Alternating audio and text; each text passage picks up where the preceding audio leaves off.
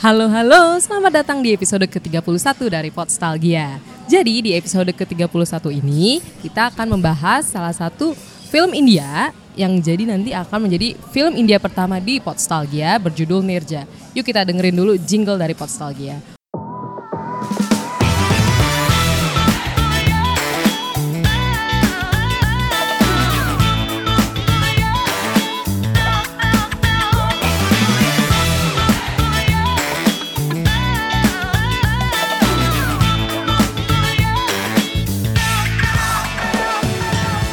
Oke, itu adalah jingle dari Podstalgia. Gue sudah ditemani oleh Kak Yodia yang memilih film Nirja ini. Halo Kak. Halo. Halo. Jadi em, ada benang merah ya antara Nirja dan Kak Yodia. Ya kan Kak, coba apa sih Kak? Kenapa sih Kak pilih film ini, Nirja ini? Pasti ada, kalau nggak salah ada hubungannya ya sama kehidupan Kak Yodia. Iya ada. Kebetulan Heeh. Aku ini berprofesinya sebagai pramugari juga sesuai Oh. dengan tokoh utama dari film Nirja ini. Mm. Gitu. Jadi ya pilih film ini sebenarnya karena bagus aja untuk pendidikan juga ya, apalagi untuk menghadapi situasi di mana pesawat itu eh, dibajak gitu.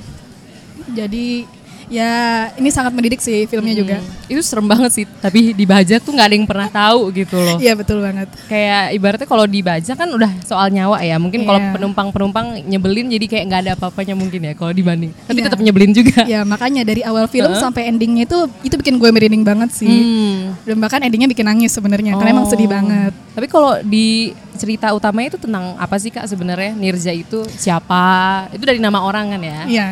Ya jadi eh, nama lengkapnya itu Nirja Banot. Dia itu eh, keluar- berkeluarga negaraan India dengan profesinya itu pramugari dan model. Hmm. Waktu dia meninggal itu dia masih muda banget, umurnya 23 tahun. Oh. Tapi di umur 23 tahun itu dia tuh udah mencapai posisi tertinggi pramugari yaitu seorang purser. Purser itu itu kayak semacam supervisor atau kepala cabin crew. Dan itu menurut gue sih suatu achievement terbesar ya. Apalagi dengan di usia semuda itu tuh udah bisa mencapai posisi purser. itu tapi Gitu kalau kayu dia tahu nggak sih maksudnya sejarah dia bisa jadi purser apa purser ya atau Purser, eh, iya. cabin kepala kabin Kepala di cabin. usia semuda itu 23 berarti ya 23 itu masih muda banget. wow Ya jadi sebenarnya emang passion dia tuh awalnya adalah di dunia modeling.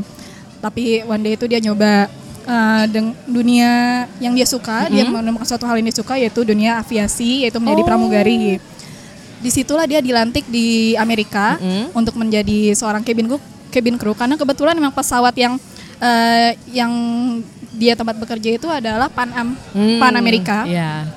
Ya, jadi dia dilatih di sana dan balik ke India sebagai seorang purser di usia 23 tahun. Dan langsung Panam ya? Maksudnya Langsung bukan Panam. apa Air India mungkin? Bukan, iya oh, langsung Panam. iya iya iya iya. Ya, kayak iya. gitu. Wah, uh, uh, uh. berarti mirip-mirip kayak dia juga ya.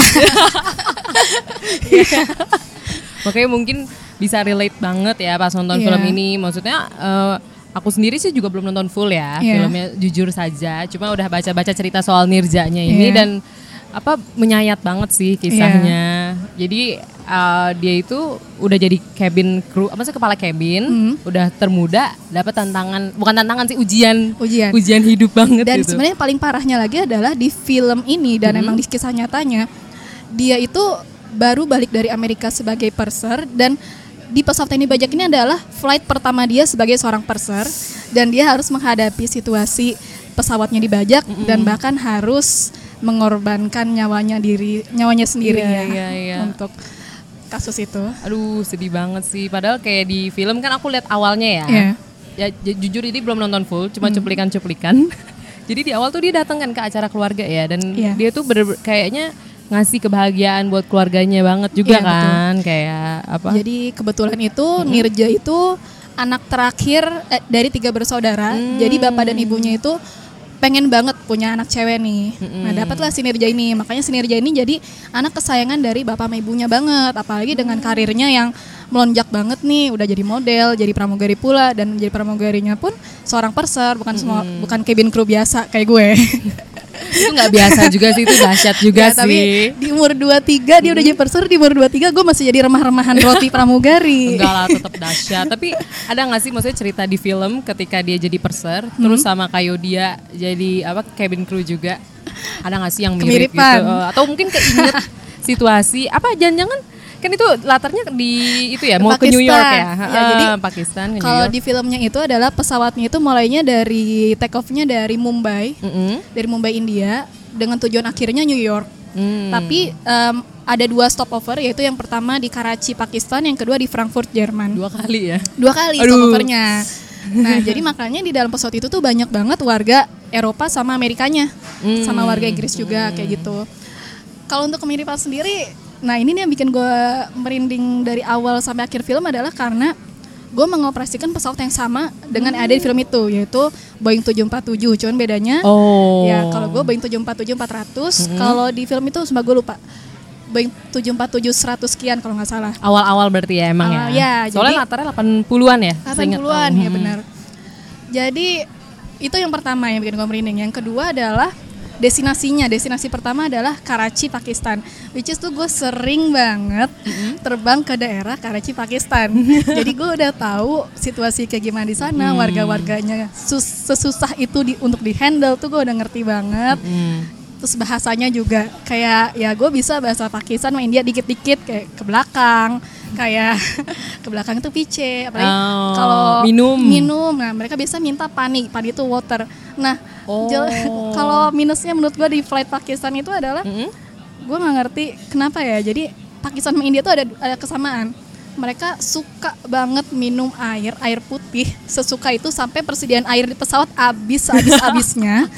Jadi kadang gue sampai harus nolak permintaan mereka dengan kalau emang gue terpaksa harus jalan di aisle gue jalan cepet sambil nunduk Hmm. biar mereka nggak minta-minta macam-macam iya, iya, karena iya. pasti mereka minta air air terus sampai landing Air loh. air minta se strong itu minumnya Oh, kenapa ya? Apa mungkin aus banget atau mungkin kare mungkin makannya kan terus bikin enggak sih kayaknya Terus karena habit apa? eh habit sih dan memang kayak udah culture Sehat dari dong. kebudayaan iya culture negara kayaknya ya Oh. kan kalau kita kan makan nasi nih nggak bisa Mm. kalau nggak makan nasi kayak mereka tuh emang culture-nya minum air tuh banyak banget Sehat dong ya. makanya sehat banget Tapi beser juga jadinya. Beser banget kamar mandi becek mulu Aduh. Oh iya.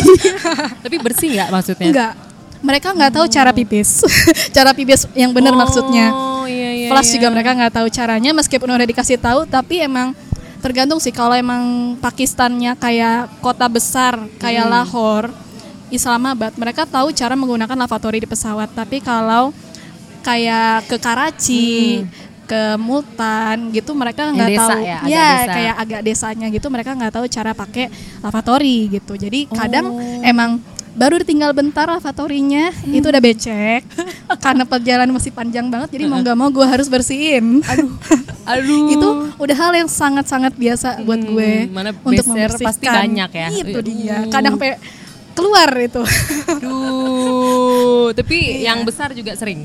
Kalau misalnya ada yang buang air besar di lantai itu mau Udah hal mau normal.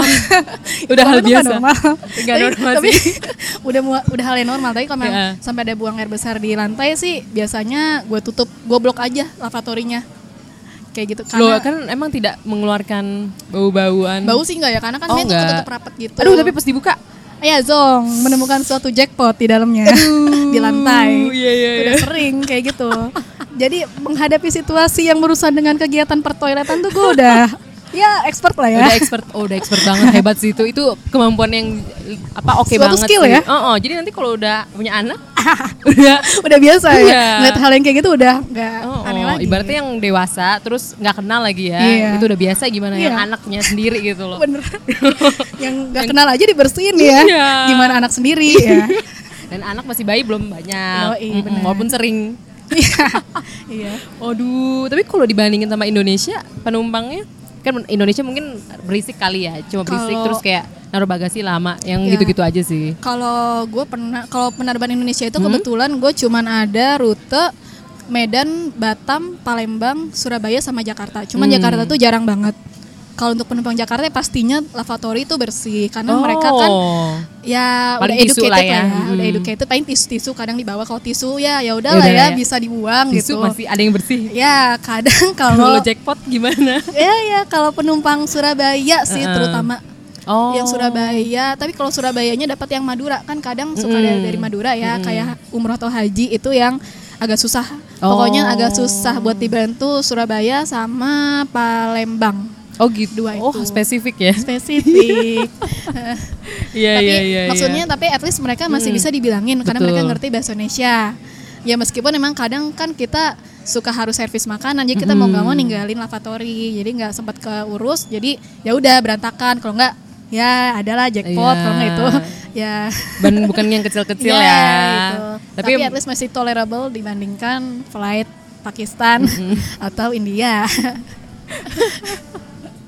Tapi berarti emang itu ya pengalamannya eh, apa banyak banget ya kak. Maksudnya selain emang servicing Iya. apa para penumpang, bener-bener juga sampai yang pembuangannya itu Iya betul. bener-bener.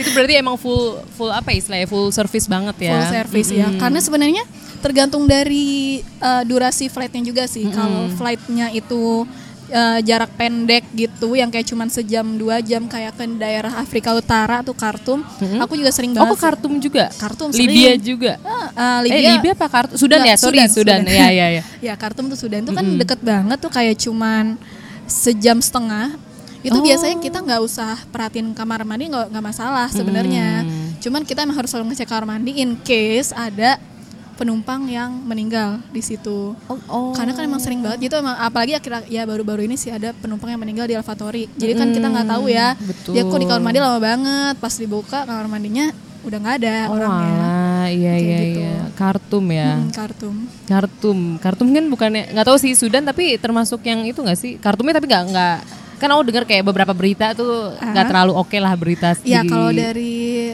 Sudan. berita ya nggak begitu oke negaranya, tapi jauh lebih enak ngehandle penumpang Khartoum daripada penumpang Pakistan lagi. Oh, Karena at least penumpang Khartoum bisa bahasa Inggris. Kalau Pakistan tuh Oh. sejarang ini bisa bahasa Inggris kecuali yang penerbangan Lahore itu. Karena Lahore itu kan tempat transitnya warga-warga Eropa yang mau ke negara Saudi gitu. Oh, di Lahore ya, karena Nah, mungkin paling deket kali Iya, ya. makanya justru mayoritas kalau kalau ke Lahore itu penumpangnya bahasa Inggris semua. Oh, enak Gitu. dong ya Iya, setidaknya. makanya. Tapi kalau kita balik lagi ke film Nirja, Hmm. di film Nirja itu penumpangnya tipikalnya gimana sih? Diliatin banget gak sih, Kak? Iya, diliatin. Jadi Mm-mm. eh, mayoritas sih penumpangnya kalau nggak salah itu India tetap. Tapi emang kayak setengah-setengah gitu loh. Jadi setengahnya India, setengahnya lagi tuh ada yang Eropa, Amerika, Inggris gitu. Hmm. Dan emang karena itu eh, flightnya dari India dengan dari tujuannya in- eh, dari negara India ke negara Amerika. Jadi emang mereka pakai dua bahasa yaitu bahasa India sama bahasa Inggris. Oh jadi emang yang cukup bisa bahasa Inggris lah ya mungkin untuk pendidikan ya Iya, kayak iya. Amerikanya Iya dan emang karena kan ada banyak orang Eropanya juga kalau nggak salah sih. Iya sih kayak di gitu. film itu. Tapi itu pembajakannya tuh udah di atas, ah, aku lupa deh di atas apa masih di Nggak, bawah? masih di gitu? bawah. Jadi eh, ini tuh baru landing ya. Ya, Jadi dari India landing ke Pakistan baru landing terus ada penumpang yang eh, emang tujuannya ada yang di Karachi. Penumpang yang da- yang tujuannya Karachi itu udah turun dan udah masuk lagi penumpang dari Karachi mau ke New York atau ke Frankfurt. Terus tiba-tiba ada bunyi tembakan di bawah. Itu pintu kondisi masih dibuka dan Oh. pesawat masih belum masih belum jalan. Jadi baru pada masuk ya penumpang baru pada ya? masuk Iya, penumpang. iya, baru iya, pada iya, duduk. iya. Pokoknya boardingnya baru selesai. Aduh. Terus pintu bahkan belum ditutup Hmm, masalahnya. hmm, hmm, hmm. Tiba-tiba ada bunyi tembakan. Nah, si Nirja itu emang kebetulan karena kalau purser itu biasanya posisinya di depan. Oh tempat yang duduknya. Oh di Hmm, depan. Di depan. Hmm. Eh, dia yang ngedengar suara tem ini kayak ada suara tembakan ya, kayak dia ngintip gitu, dia lihat, dia kaget. Pertama dia shock, dia speechless karena ya gimana sih menghadapi situasi kayak gitu pasti speechless Hmm, dulu kan bener, ya, bener, Gak bisa bener. langsung bertindak gitu kan. Pasti kayak berusaha mencerna Iya, ada apa ini? iya, ada apa ini gitu. Oh, oh. Terus dia sampai uh, akhirnya dia langsung uh, instruksiin awak kabin yang di deket dia buat tutup pintunya cepet-cepet. Mm-mm. Masalahnya pintu pesawat itu nggak gampang buat ditutup, apalagi untuk situasi yang kayak gitu ya. Hmm. Berat Masa- bukannya juga ya? berat, Heeh. berat. Jadi emang harus ya kalau pelan-pelan bisa lah ya. Iya. Tapi kalau mas saya kalau cowok sih kayak bisa aja dengan secepat itu ya nutupnya. Tapi kalau cewek agak susah. Apalagi ada hak gak sih? Nah, Ada kalau sepatunya hak tuh susah ya nggak tapi sih? kalau di eh, kita tuh kalau cabin crew itu ada dua sepatu. Jadi Oh, kita gitu. kalau di airport shoes sama cabin shoes. Mm-mm. Jadi kita kalau airport shoes pakai yang ada haknya, ada heelsnya. Tapi kalau yang di cabin tuh sebisa mungkin nggak ada heels. Kalaupun ada heels eh, maksimal 2 cm heelsnya. Oh yang tebel ya? Heeh, heeh. yang kayak gitu. Kalau bisa nggak ada Oh, heels nggak kira. masalah. Mm-mm. Karena kan eh, itu kita servis tuh jalan-jalan mulu lama, iya. takut kakinya sakit Bener. ya.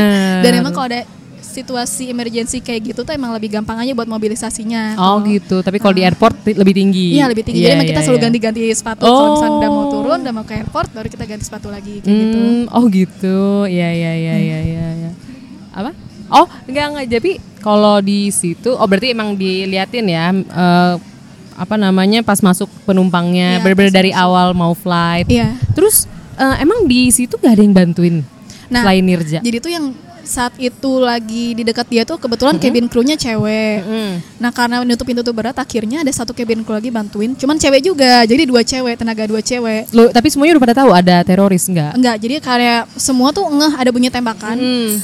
Tapi masih belum ngerti banget situasi apa ini kayak gitu. Akhirnya dua Oh. dua cabin crew itu nutup pintunya, tapi sayangnya si teroris itu tuh udah keburu masuk nih, udah keburu megang pintunya. Oh gitu. Akhirnya dibuka lagi sama dia.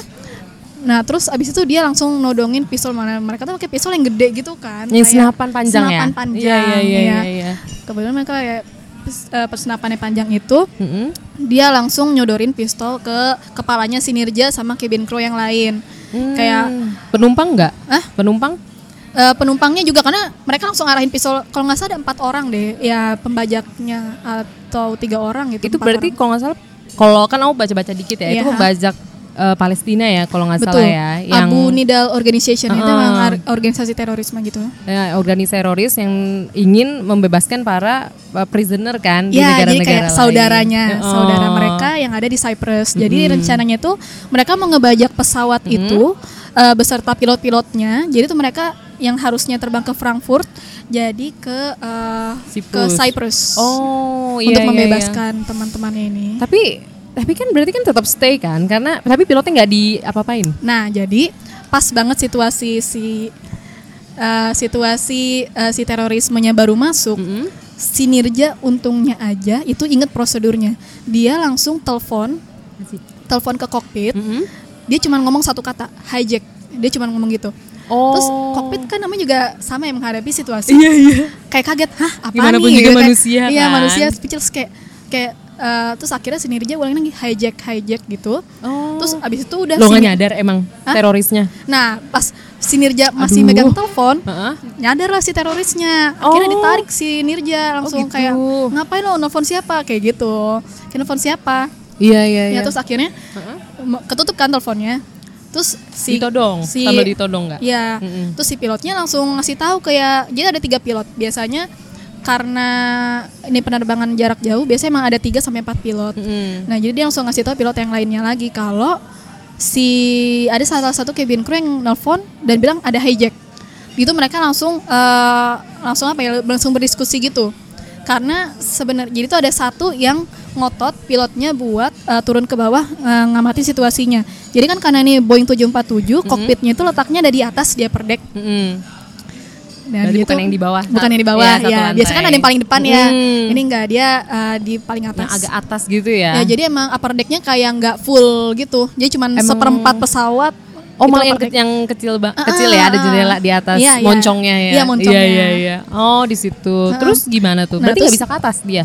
Eh, bisa aja sebenarnya ke atas. Terorisnya? Bisa bisa ke Oh, atas. Karena kan bisa. emang ada tempat duduk penumpang juga di atas. Oh, Jadi biasa ada ada Tapi beberapa. nggak nggak banyak sih. Paling cuman kayak sekitar 40 kursi doang buat penumpang untuk yang di atas itu. Oh gitu. Di situ baru paling depannya kokpit. Mm-mm. Nah, situ kokpitnya pecah nih antara mau eh, ngamatin situasi di ke bawah atau ngikutin protokol yang ada. Jadi kalau protokolnya itu adalah saat situasi hijacking gini dan mereka udah dikasih tahu situasinya, eh, flight deck crew itu diharuskan untuk kabur melalui escape hatch. Escape hatch itu kayak pintu pintu keluar kecil yang ada yang letaknya tuh di langit-langit kokpit. Nah, Lewat mana? Nah, jadi ya jadi emang di kokpit itu Uh-uh. ada pintu kotak kecil. Oh. Ya emang itu fungsinya kalau untuk emergency kayak emergency door sih. pernah gitu. lihat deh yang kayak mobil mobil tapi ada Iya, atasnya. iya, Iya, iya. iya, iya, Macam iya, kayak iya. gitu. oh gitu. Itu berarti mereka keluar dulu baru penum nanti penumpang yang di dalam Iya, berarti makanya gimana? setelah Hmm? diskusi gitu, kaptennya bilang nggak bisa kita nggak bisa ngeluar keluar ngamatin situasi kita Hmm. harus ngikutin protokol yang ada jadi akhirnya mereka bertiga keluar lewat escape hatch Oh, mereka kabur Bisa turun ke bawah berarti Bisa. keluar dari Bisa, pesawat. bisa Oh gitu. jadi mereka emang emang disediain jadi ada talinya gitu Oh, udah lengkap Oh, udah lengkap. banget. pokoknya Iya, emang iya, emang iya. itu untuk emergency situation kan jadi emang bisa Heeh. Nah, terus jadi pas Oh, banget. aku baru tahu loh. sama aku juga baru tahu semenjak jadi pramugari. ya, terus jadi si pas banget Nirja itu baru saya telepon, dia kan nanya si terorisnya, lu ngapain, lu nelfon siapa gitu. Dia bilang enggak enggak. Terus akhirnya dia nanya, kokpitnya di mana kokpit di lantai dua gitu. Hmm. Anterin gua ke kokpit gitu. Akhirnya dianterin lah ke kokpit si Nir, eh, Nirja nganterin terorisnya. Gak dibukain pintunya sama si kokpit. Karena kan mereka udah kabur kan lagi kabur lagi kondisi lagi kabur. Hmm. Oh, di kayak digedor-gedor Ah, gitu digedor-gedor. Ya. akhirnya ditendang paksa sama si terorisnya. Oh, gitu. sampai berkali-kali akhirnya kebuka pintunya tapi udah nggak ada siapa pun di dalam kokpit. Dia bingung mana kokpitnya mana kokpitnya? gitu. Iya, iya, iya. tapi ternyata pas dilihat ke atas udah bolong nih. Oh, udah nggak ada. iya, iya, udah iya, kebuka iya. gitu.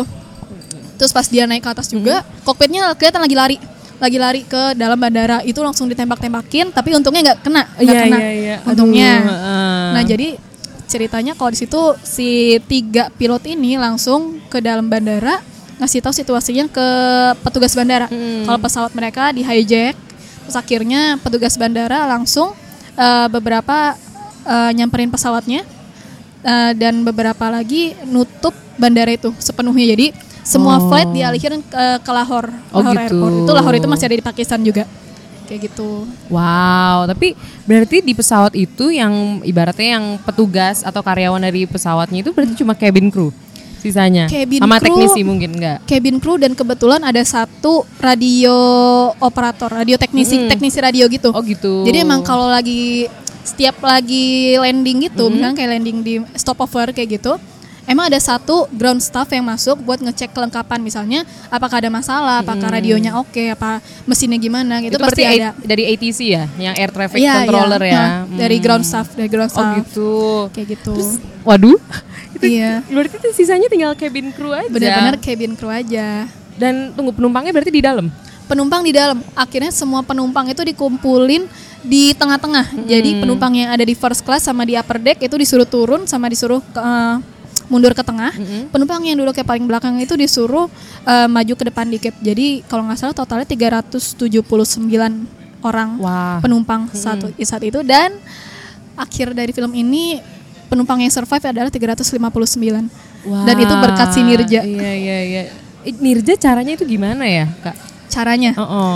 Berarti kan dia kan yang ngam- ngambil situasi juga kan, karena gimana pun Iya. juga mungkin karena udah pada apa duluan kan Hmm. keluar eh, di kok yang di kokpit, dia Iya. kan berarti kayak ambil alih kan, Iya, secara nggak langsung. Jadi kalau dari yang gue lihat di filmnya adalah dia tahu how to handle Mm-mm. teroris dan penumpang. Hmm. Jadi dia berusaha mengkomunikasikan misalnya kayak teroris ngang- suruh seluruh penumpang ini ngangkat tangannya. Sedangkan Nirja pakai pakai interphone bikin eh, bikin announcement gitu kalau nyuruh penumpang ini buat turunin turunin tangan. Terus si Hmm. terorisnya marah, "Kenapa? Kenapa lo suruh mereka turunin tangan?" Ya sekarang eh, terus Nirja ini lagi balesin. Kalau emang lo nyuruh mereka angkat tangannya, terus kalau mereka kesakitan terus pegel, mereka nggak akan mau eh, bekerja sama sama lo. Hmm, Jadi oh, kayak, pinter iya, banget. Iya, dia iya, tahu iya, cerdas caranya, sekali. iya, cara berkomunikasi dengan teroris Terus ini. terorisnya, oh, oke. Oh iya, oh oke gitu. Kayak selam kan pasti ter- teroris mau yang gampang kan, mau Hmm. mereka enak diajak kerja sama biar nggak ngerepotin mereka juga gitu. Wow, berarti eh, terus cara Nirja berkomunikasi dengan cabin crew di situ bagaimana ya? Kak? Ya jadi eh, komunikasi sebenarnya enggak ya karena Oh enggak. enggak sebenarnya jarang jarang diliatin Oh, karena emang heeh. di sini mereka kayaknya sih si teroris ini tuh tahu kalau si Nirja ini yang kayak kepala cabin crew-nya.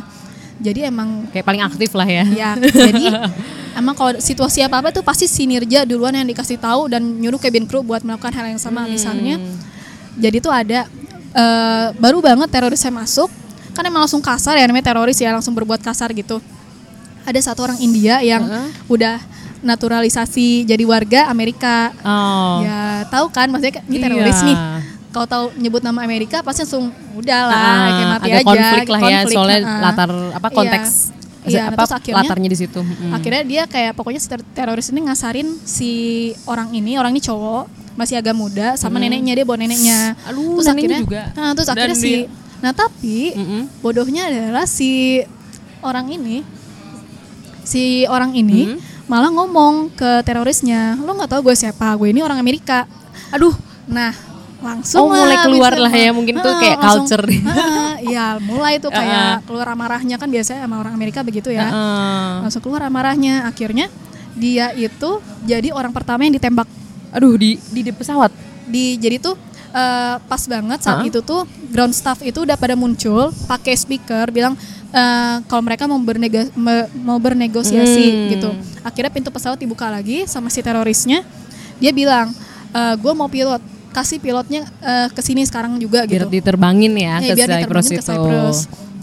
kasih gue pilot eh, pilotnya sekarang gitu. Oke tapi kasih kita waktu gitu. Terus akhirnya oke kasih waktu 30 menit ya kurang gitu butuh waktu lagi gitu Hmm. 30 menit kalau nggak ditembak gitu oh udah 30 menit pintu dibuka lagi akhirnya si yang ngaku orang Amerika itu emang orang Amerika sih Hmm. Oh, iya. ya naturalisasi kan Ah, ya itu ditembak di kepala terus jenazahnya dibuang dari pesawat Aduh tinggi setinggi itu. ah, ah. jadi tangganya udah disingkirin kan Mm-mm. karena dia pas Neneknya gimana? ah, langsung nangis langsung Iya, lemes iya, ya iya, gimana iya. ya lihat lihat cucunya gitu kan Pokoknya selama itu sama ah, Belum nonton loh. Tapi ya selama cucunya lagi kayak disan ya kayak disandra gitu ditodongin pistol mulu kepalanya nenek itu udah teriak-teriak udah bunuh aja gue bunuh gue jangan cucu gue balikin cucu gue gitu Oh, alah. Aduh sedih banget, sedih banget. Tapi berarti Nirja, berarti itu semua kan banyak ya. Ibaratnya yang berhasil diselamatkan walaupun pasti ada korban kan kayak Iya. tadi salah satunya yang orang India Amerika tadi. Si Nirja sendiri itu itu kan pasti dari kisah asli ya, maksudnya Iya. nggak ada spoiler-spoileran lah. Iya,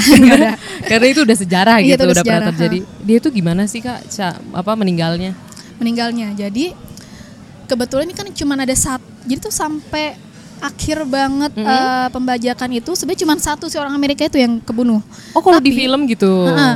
Jadi kan emang protokolnya adalah saat pilot kabur dari pesawat, Mm-mm. pilot itu membiarkan pesawatnya itu dengan kondisi menyala dan AC menyala, semuanya nyala. Biar nggak pengap juga mungkin. Iya, biar nggak pengap. Heeh. Dan tak- nah, tapi ya iya pasti ada waktunya pesawat itu bakal mati kan, karena kehabisan Iya, daya gitu betul. kan. Nah jadi tuh udah berapa belas jam kan masanya nggak diisi juga bensinnya, nggak ada apa-apa, nggak ada tenaga, nggak ada daya, matilah tuh pesawat, mati lampu. Hmm. AC suruh mati.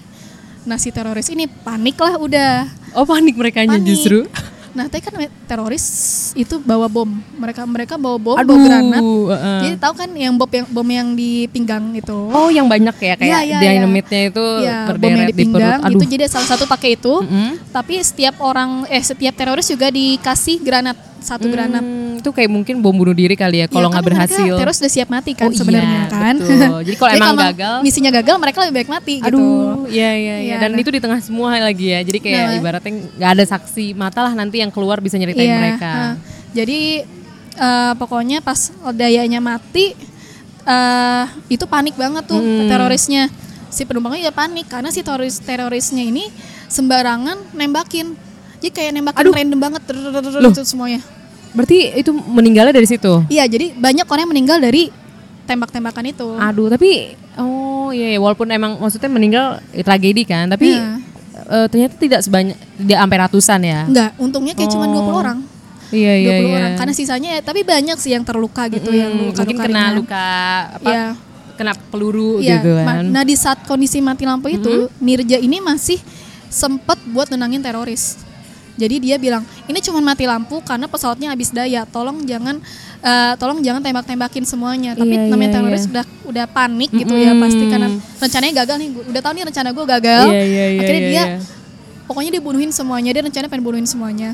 Tapi gitu jadi akhirnya eh, Tapi dia nggak- nggak- tapi masih nggak bunuh loh. Hmm? Maksudnya dia kan pegang senjata dan itu kan berarti di sekeliling ya. Iya. Dia kan bisa sebenarnya nembakin semua emang orang. emang iya Tapi- bisa aja random banget kan Tapi Nirjanya nenangin di situ ya. nenangin juga. Terus akhirnya Oh. ada cabin crew dan Nirja sih. Nirja juga yang instruksiin cabin crew buat buka pintu buka emergency door Mm-mm. jadi kalau nggak tunggu. sempet bisa kak. Emang terorisnya nggak? kan lagi panik justru Oh. memanfaatkan kepanikan mereka buat membuka pintu Itu berarti tenang banget ya. Wah gitu itu suatu rasa tanggung jawab yang Iya, mungkin gue iya. aja nggak bisa nggak bisa Belum kali bisa. Oh, Bisa. eh gue pernah ngalamin nih Oh pernah gimana? Enggak, jadi Emergency juga? enggak enggak jadi oh enggak. kondisinya itu lagi turbulence tapi Hmm. itu uh, severe turbulence jadi waktu itu saking parahnya turbulence-nya kebetulan bawa penumpang dari Surabaya Mm-mm. uh, Dari itu tuh mana kak flightnya? dari Jeddah Oh dari Jeddah. Jeddah Surabaya Hmm. jadi itu emang ada satu daerah itu daerah Kolombo itu pasti Oh, Sri bang- Lanka eh, ya? Sri Lanka Hmm. itu pasti banget kita ngalamin turbulence di sana itu pasti Oh gitu. tapi tingkat keparahan turbulence-nya itu tergantung dari cuaca di sana juga kan. Mm-mm. Waktu itu lagi parah banget sampai overhead bin tuh pada kebuka semua. Aduh. nggak semuanya sih, tapi Iya, beberapa iya, kebuka. Iya, iya, iya. terus penumpang udah pada nangis untung untung orang Indonesia ya jadi kita nenanginnya pakai bahasa Indonesia Iya, iya. itu dalam bener. hati tuh gue udah ngomong anjir kayak gue mati di sini anjir gimana nih kayak gue langsung inget keluarga gue teman-teman gue di Indonesia Hmm. tapi nggak tahu yang keluar dari apa physically nggak tahu kenapa gue bisa nenangin mereka Hmm, gue bisa nggak apa-apa iya, bu iya, emang iya. udah biasa padahal dalam hati ini nggak biasa ini Iya, nggak iya, biasa iya. Oh, dalam hati anjir gue mati di sini ini nggak biasa tapi yang keluar dari omongan gue Iya, iya, ini iya. udah biasa bu nggak Wow, apa-apa jangan sih, Kak. jangan nangis Hmm. pada nangis pada udah Allah Akbar Allah Allah Oh, iya. semua Apalagi kan bisa dari haji serem ya. kan Iya, nah, iya, serem iya. banget udah kayak gitu tapi untung tapi kalau sampai mengorbankan nyawa kayak gue masih belum di sini kan dia mengorbankan ya. Nah. Heeh. Pokoknya saat emergency door tuh dibuka, semua langsung pada lari ke emergency door kan kalau Oh, langsung turun ya? Langsung turun. Yang ada kayak perosotan gitu. Jadi pesawat itu tuh ada 7 eh Boeing 747 itu ada di bagian bawah ada 5 emergency door. Oh lima. Li- eh, eh, ada 10 emergency door. oh ba- banyak ya? Iya, 5 di kiri, 5 di kanan.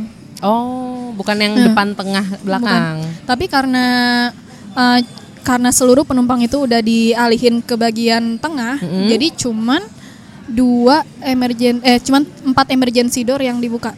Jadi bagian gitu. tengah, bagian pintu kedua sama pintu ketiga. Mm-mm. Pintu ketiga tuh pas wing, pas sayapnya.